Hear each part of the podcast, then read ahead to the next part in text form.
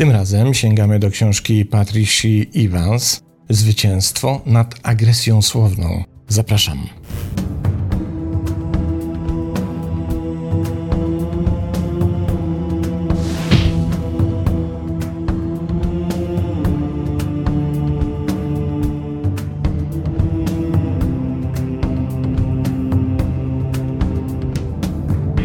Jak zwykle zaczniemy od sprawdzenia, kim jest autorka książki, a to nazwisko w Polsce wcale nie jest takie nieznane. Patricia Evans jest bestsellerową autorką kilku książek. Jej pierwsza książka, pochodząca z 2009 roku, ukazała się w Polsce. Wydało ją wydawnictwo Czarna Owca i książka ta zatytułowana jest Toksyczne słowa, słowna agresja w związkach. W opisie tej książki, w opisie okładkowym, wydawnictwo polskie użyło takiej rekomendacji, że oto autorka jest osobą, dzięki której świat usłyszał o agresji słownej, czyli od jej prac, badań i tym, czym się zajmuje, ta agresja słowna zaczęła być dyskutowana, zaczęła gościć w przeróżnych artykułach i pojawiać się w wielu miejscach. Pozostałe książki oczywiście również dotyczą agresji słownej, bo w tym się specjalizuje nasza autorka i to dzięki nim jest dzisiaj uznawana za wysoko cenioną specjalistkę do spraw komunikacji interpersonalnej. Opierając się na badaniach ponad 30 tysięcy przypadków przemocy słownej w związkach, przemawia i prowadzi warsztaty w całym kraju. Evans zaprojektowała warsztaty również dla nauczycieli i uczniów, aby stworzyć klimat wolny od wrogości i nękania. Mieszka w północnej Kalifornii, w rejonie Zatoki San Francisco. Dzisiaj sięgamy do drugiej książki, która ukazała się w roku, z tego co pamiętam, 2011. A jeszcze nie dodałem, że wydawnictwo Czarna Owca Tę pierwszą książkę, która stała się bestsellerem, wydało w roku 2018, więc dopiero w 9 lat po światowej premierze. Dzisiejsza książka, tak jak mówię, jeśli dobrze zapamiętałem, pochodzi z roku 2011, więc jest drugą książką autorki i nie ukazała się w języku polskim, a przynajmniej mi nie udało się takiego wydania znaleźć. Jeśli okazałoby się, że się mylę, to proszę o, o informacje w komentarzach. Przejdźmy zatem do pierwszego fragmentu. Jeśli doświadczyłeś lub doświadczyłaś przemocy słownej, musisz wyraźnie wiedzieć, że nie ponosisz odpowiedzialności za czyjeś znęcanie się nad tobą. Nie masz wpływu na to, że ci się to przytrafiło. Możesz też nie być w pełni świadoma, świadomy, że to się dzieje. Wydaje ci się oczywiste, że w twojej relacji Słowny agresor jest odrębną osobą, ale i to z kolei wyda ci się dziwne. Sprawca nie rozpoznaje cię jako odrębnej osoby. Sprawca definiuje twój wewnętrzny świat tak, przez co masz wrażenie, jakby żył w tobie. Jednak możesz to przełamać i zwyciężyć. Twoje zwycięstwo oznacza jasność tego, kim jesteś, co lubisz, co sprawia ci satysfakcję, a także świadomość swoich talentów i darów. Twoje zwycięstwo to podróż, którą podejmujesz, aby stworzyć w swoim życiu to, czego pragniesz. Życie, które nadaje ci sens i cel oraz jest najbardziej satysfakcjonujące. Twoje zwycięstwo zostanie w pełni zrealizowane, gdy znikną wszelkie lęki, zwątpienie w siebie i zagmatwane postrzegania. I cóż powiedzieć na początek?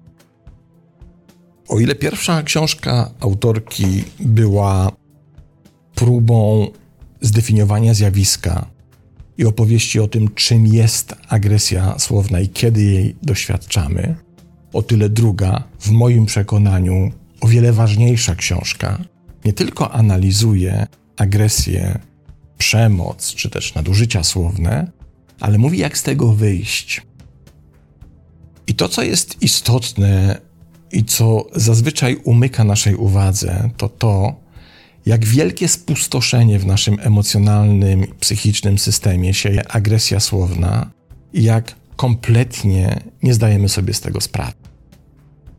Najlepszym dowodem na to, jak wielki negatywny impact to nam czyni, jest właśnie książka, do której dzisiaj zaglądamy.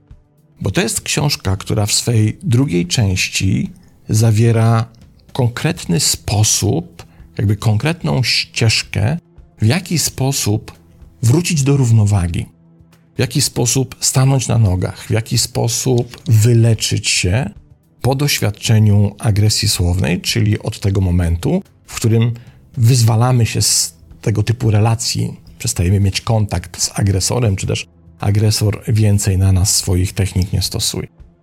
I dość powiedzieć, że ta technika, która pojawia się w drugiej części książki, została, wyobraźcie sobie, rozpisana przez autorkę na 52 tygodnie. Tyle trwa taka minimalna procedura poradzenia sobie samodzielnie z tym, czego doświadczyliśmy w efekcie agresji słownej. To jest rok roboty.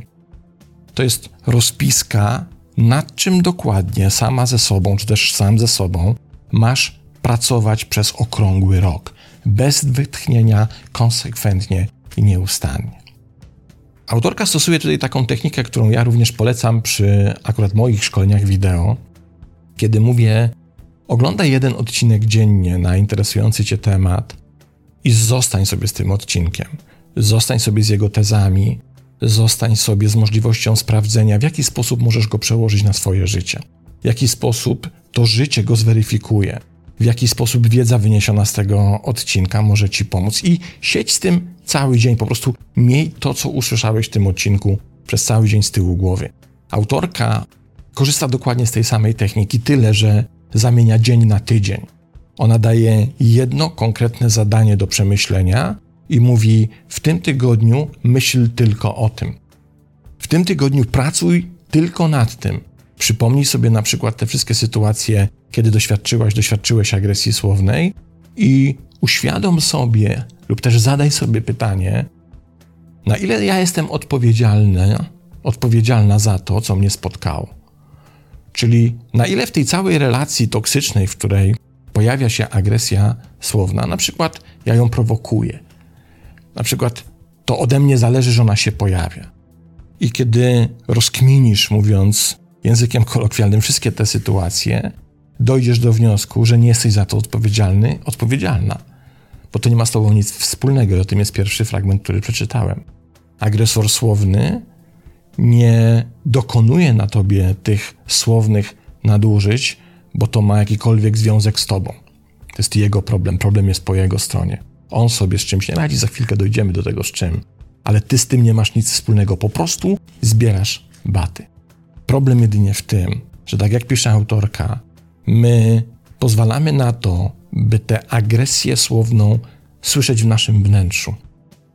A kiedy ją słyszymy w naszym wnętrzu, to uznajemy, że coś jest na rzeczy, że ona musi coś znaczyć, że ona musi mieć jakiś związek z prawdą, że ona musi być w jakimś stopniu, choć najmniejszym, adekwatna do tego, kim jesteś. I zaczynamy sami się obwiniać, sami się w taki sposób tak traktować. To tak jakbyśmy tę odpowiedzialność zabrali od agresora i część tej odpowiedzialności za to, co się dzieje, co słyszymy w tych czasem okrutnych słowach, przyjmowali na siebie. To jest błąd. To z nami nie ma nic wspólnego. I na przykład jedno z ćwiczeń polega na tym, pracuj nad tym przez cały tydzień. By ten tydzień skończył się pełnoprawnym, stuprocentowym przekonaniem, że nie masz z tym nic wspólnego, że to kurczę nie jest twój problem. Od tego się w ogóle zaczyna robota, od tego się zaczyna wyjście, od tego się zaczyna terapia, jak w ogóle sobie z tą agresją poradzić. A mówiąc inaczej, dopóki wierzysz, że masz coś z tym wspólnego, to nie zniknie, to się nie zatrzyma, to nie zostanie uleczone. Nie będziesz w stanie sobie z tym poradzić. Przeczytajmy kolejny fragment. Osoby, które dopuszczają się werbalnych nadużyć, używają negatywnych stwierdzeń. Oczerniają, oskarżają, sugerują, dyskredytują lub w jakikolwiek inny sposób definiują daną osobę. Dokonują definiowania zachowań bez przykładów, dowodów lub faktów. Przemoc werbalna to kłamstwo wypowiedziane wobec ciebie, o tobie lub o kimś innym. A kłamstwo jest to najbardziej podstępne z wszystkich. I dzieje się tak wtedy, gdy oskarżenia są dokonywane poprzez nie przytaczanie faktów, ale poprzez domniemanie. Bycie obwinianym, definiowanym i pozbawionym racji może mieć wpływ na pewność siebie, oczekiwania i aspiracje każdego z nas. Może się to przytrafić każdemu w obecności osoby, która regularnie pozwala sobie na słowne obelgi, którą nazywamy po prostu agresorem. W świecie lub związku, który cię definiuje, proces zdrowienia staje się procesem samopoznania. Ważne jest, aby mieć nadzieję i wiarę w siebie oraz wiedzieć, że uzdrowienie jest możliwe. Nie ma miejsca na rozpacz, rezygnację z siebie i swojego prawa do spokojnego, zmotywowanego i szczęśliwego życia. Jeśli zostałeś przez kogoś zdefiniowany, zwłaszcza przez rodzica lub współmałżonka, rozpocznij tę podróż wiedząc, że nie jesteś tym, kim ci powiedziano i nie jesteś w tym sam. Ponadto nie zasługujesz na żadne negatywne zachowania ani postawę, od milczącego traktowania po subtelne implikacje, przesłuchania, oskarżenia, groźby, wyzwiska lub jakiekolwiek inne nadużycie. Przemoc werbalna to próba kontrolowania ciebie. I korci mnie, żeby opowiedzieć Wam pewną historię. Postaram się pokrótce, ale od razu uprzedzam, pojawi się wulgaryzm, więc wrażliwe uszy niech jakoś to zniosą lub przyciszą na ten moment. Rzecz ma się 33 lata temu. Otóż jestem nauczycielem w podstawówce. Uczę tam klasy siódme i ósme zajęć praktyczno-technicznych, wyobraźcie sobie, i fizyki.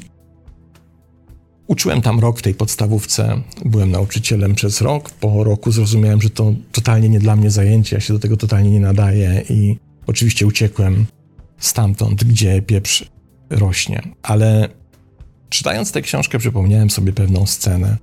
Oto jest koniec zajęć. Z tego co pamiętam, pamiętajcie, to było 33 lata temu, chyba zamykałem klasę na koniec zajęć po ostatniej lekcji. I na korytarzu szkolnym podeszła do mnie dziewczynka, chyba z siódmej klasy, z tego co pamiętam, ale nie pamiętam jak miała na imię. Zresztą to nie ma tutaj teraz znaczenia. I widziałem, że płacze, jest zapłakana, łzy leciały jej po policzkach jak grochy. I podeszła do mnie i powiedziała, że jestem jedyną dorosłą osobą, której ona ufa.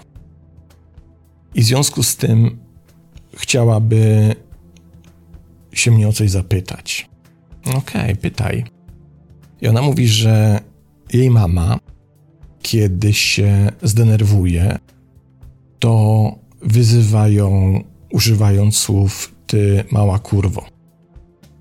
I pytanie tej dziewczynki do mnie jest następujące: czy jej mama, moim zdaniem, rzeczywiście tak o niej myśli? Ja oczywiście staram się jakoś powstrzymać te jej łzy, jakoś załagodzić tę sytuację, ale prawda jest taka, że nie do końca wiem, co odpowiedzieć. Pamiętajcie, to jest 33 lata temu. I w końcu mówię jej, że wiesz, czasem dorośli, kiedy się zdenerwują i nie radzą sobie ze swoimi emocjami, ze swoją złością, wygadują rzeczy, których potem żałują. Wygadują rzeczy, które nie oddają tak naprawdę tego, co myślą, które są powiedziane w nerwach, we wzburzeniu, i mamy pecha, kiedy znajdujemy się w pobliżu, bo oni wtedy, nie radząc sobie ze swoim napięciem, wyładowują to swoje napięcie na nas poprzez właśnie wyzwiska.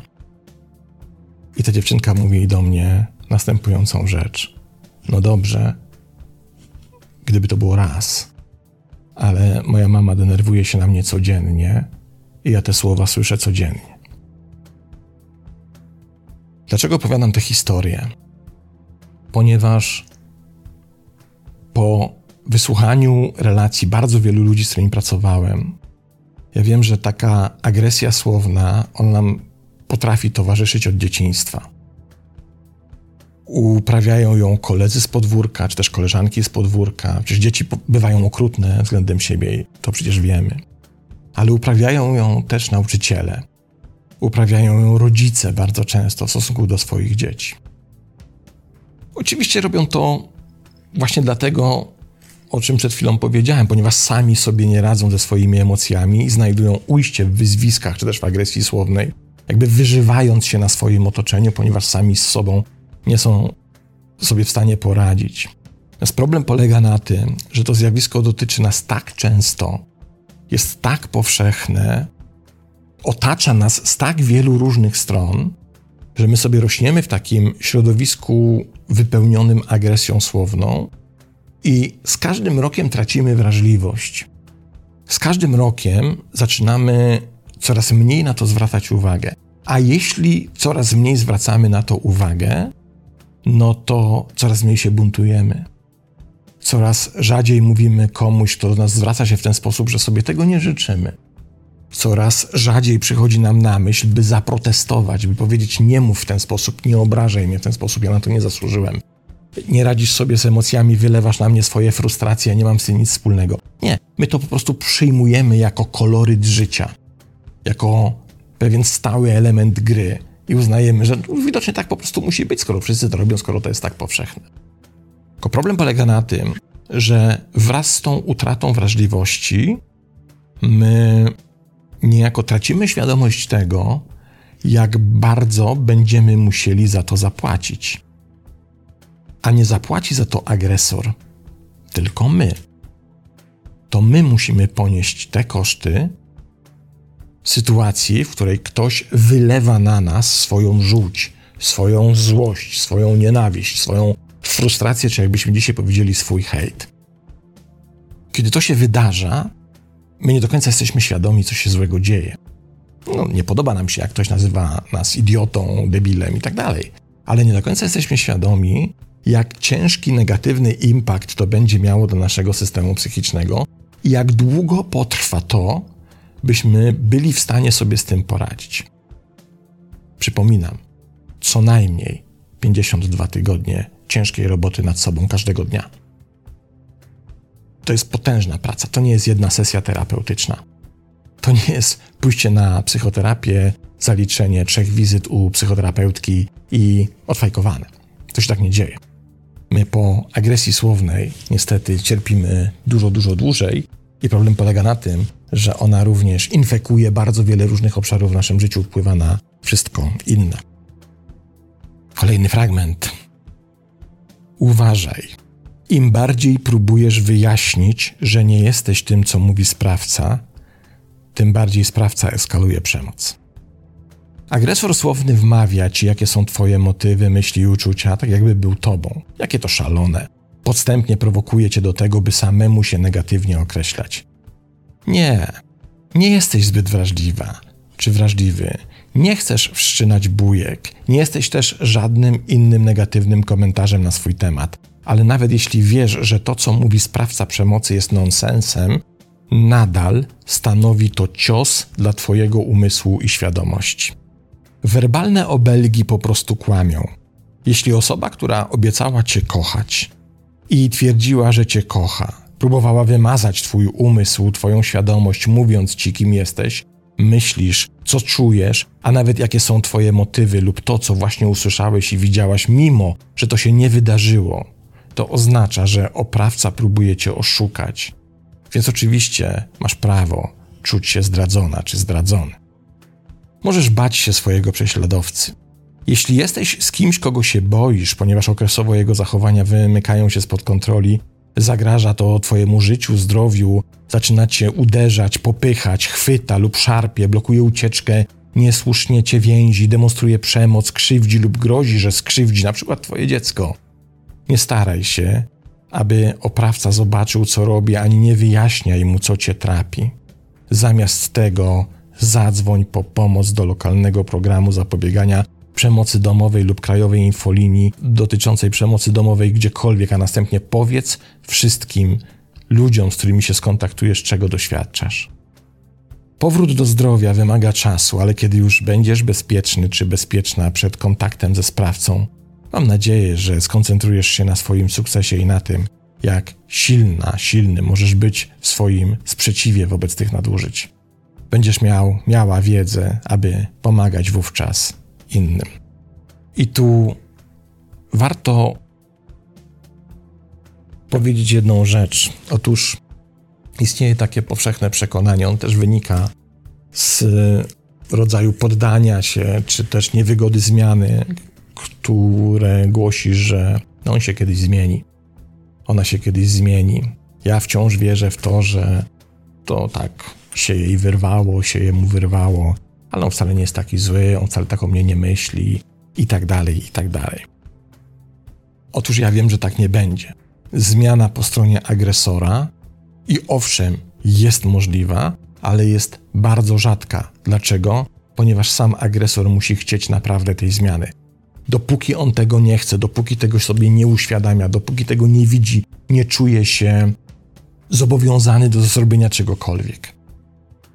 A zatem wiara w to, że ktoś się zmieni, bo ty go zmienisz, to jest z jednej strony ścieżka do tego, by ta sytuacja trwała dalej, a z drugiej strony ścieżka do tego, żeby uspokajać krzywdę, żeby przysypywać tę krzywdę, przy, przypruszać ją takim czymś, co ją będzie przysłaniało, dzięki czemu będziemy na nią mogli łatwiej spoglądać i nie będzie tak kuła w oczy.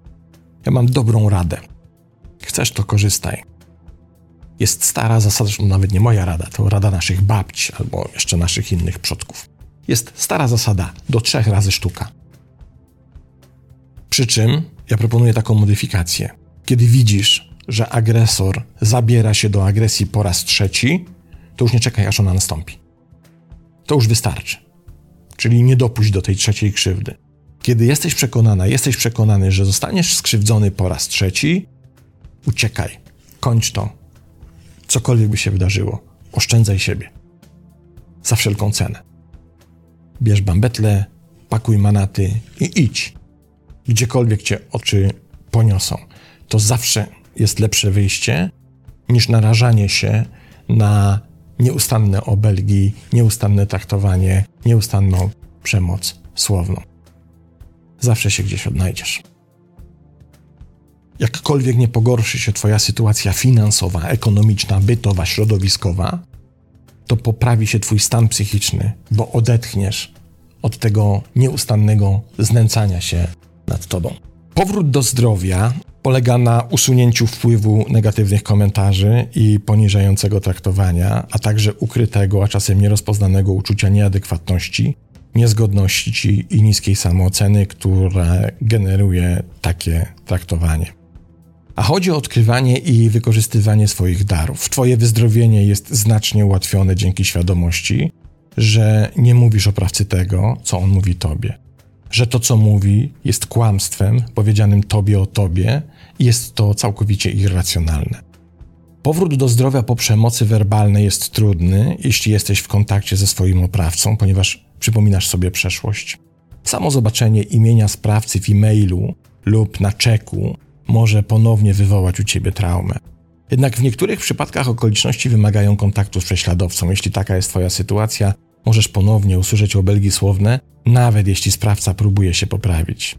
Potrzeba czasu i intensywnej terapii, aby sprawcy się w ogóle kiedykolwiek zmienili. I tutaj krótka uwaga.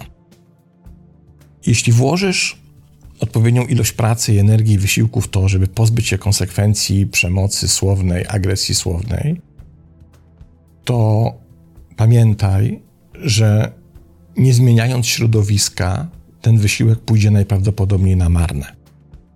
Mówiąc inaczej, jeśli wciąż pozostajesz w bezpośrednim otoczeniu agresora, to na tym etapie, czyli dopóki tam jesteś, w tym miejscu, gdzie on ma do ciebie dostęp, czy ona ma do ciebie dostęp, to żadna terapia nie ma sensu, ona nie przyniesie żadnych efektów.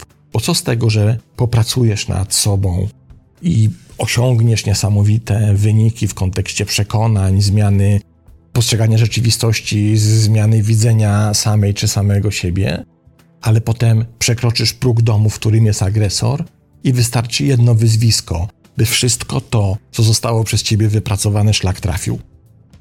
Dlatego i to mówią wszyscy specjaliści, którzy zajmują się przemocą. Podstawowym warunkiem w ogóle rozpoczęcia terapii, leczenia, stawania na nogi jest odcięcie się, jest odcięcie się od tego środowiska, jest zablokowanie dostępu do ciebie agresora.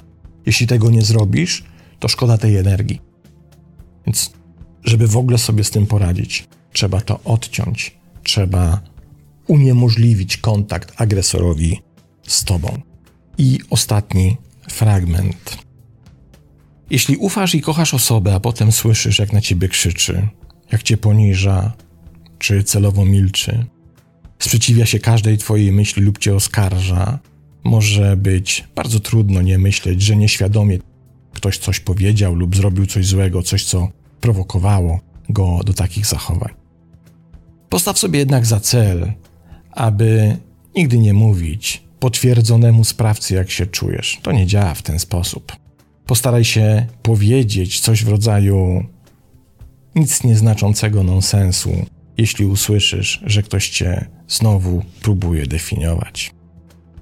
Czyli, mówiąc inaczej, wchodzenie w dyskusję nic nie daje, on tylko go napędzi.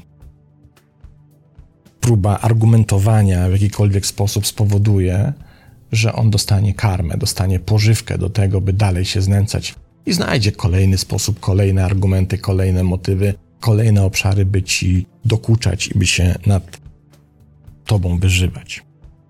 Agresorzy nie słuchają wyjaśnień, postrzegają je jako ataki i kontratakują. Kiedy starasz się robić coś lepiej i więcej, możesz osiągnąć stan całkowitego wyczerpania. Sprawca odrzuca twoje wysiłki i uczucia na bok, a ty jesteś obwiniana, obwiniany za gniew sprawcy, wybuch irytacji lub milczące traktowanie. Twoje wyzdrowienie wymaga odkrycia, że nadużycie nie ma z tobą nic wspólnego. To sprawca ma problem. Od tego dzisiaj zaczęliśmy. Odzyskanie równowagi to przywrócenie czegoś utraconego. Przemoc słowna powoduje stratę. Okrada ludzi z ich poczucia siebie, pewności siebie, szczęścia, poczucia własnej wartości, samoświadomości, pogody ducha i zdolności do zaufania. Jeśli tego doświadczasz, to nie mieszkasz w zdrowym domu. Teraz uwaga. W zdrowym domu ludzie nie milczą przez dłuższy czas. Nie krzyczą, nie wściekają się na innych, nie obgadują za plecami, nie wydają poleceń ani nie grożą innym. W takim domu uzdrowienie nie jest możliwe. W ostatecznym rozrachunku uzdrowienie jest zwycięstwem nad wpływem nadużyć słownych. Zwycięstwo nad przemocą słowną może być zarówno celem osobistym, jak i celem ludzkości. Życzliwość i obelgi słowne nie mogą istnieć jednocześnie w tym samym miejscu, w tym samym związku i w tym samym świecie. A zatem Twoje osobiste zwycięstwo nad słowną agresją przyczyni się do uzdrowienia całej naszej planety. Tymi słowami kończy autorka książkę, zapraszając do drugiej części, czyli do tej, o której już opowiadałem, tych 52 technik i procesów tygodniowych pracy nad sobą. Warto się nad tym zastanowić, ale też nie tylko w kontekście tego, kiedy jesteśmy ofiarami agresji słownej, ale również w kontekście tego, czy czasem, kiedy puszczają nam nerwy, kiedy nie radzimy sobie z rzeczywistością, kiedy życie nas trochę przerasta, kiedy nie potrafimy sobie poradzić z emocjami. Nieświadomie czasem, bezwiednie, nie stosujemy sami przemocy i agresji słownej wobec innych osób, tylko dlatego, żeby pozbyć się napięcia emocjonalnego, z którym sobie nie radzimy. I warto się nad tym zastanowić, ponieważ, jak już zostało powiedziane, te osoby będą musiały zapłacić tego koszt. On jest olbrzymi, on jest niewiarygodnie duży i bardzo trudno będzie im wrócić do równowagi. Warto o tym pamiętać. To tyle. Zachęcam koniecznie do lektury tej książki. Pozdrawiam i do następnego razu.